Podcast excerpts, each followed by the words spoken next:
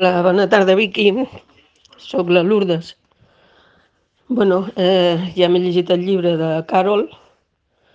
Eh, M'agradaria puntuar sobre un 10 el sentit de que va ser molt valenta d'escriure un llibre en aquella època sobre la homosexualitat. Però a part d'això, el llibre no m'ha portat gairebé res. Esperava trobar unes emocions més fortes, més entretallades, uns personatges més complicats. Trobo que són uns personatges molt, molt lleugers, molt de t'estimo, jo també t'estimo, però no m'aporten gaire cosa. Esperava una cosa més profunda, més tractant-se del tema que es tracta. No m'ha agradat gens, la veritat.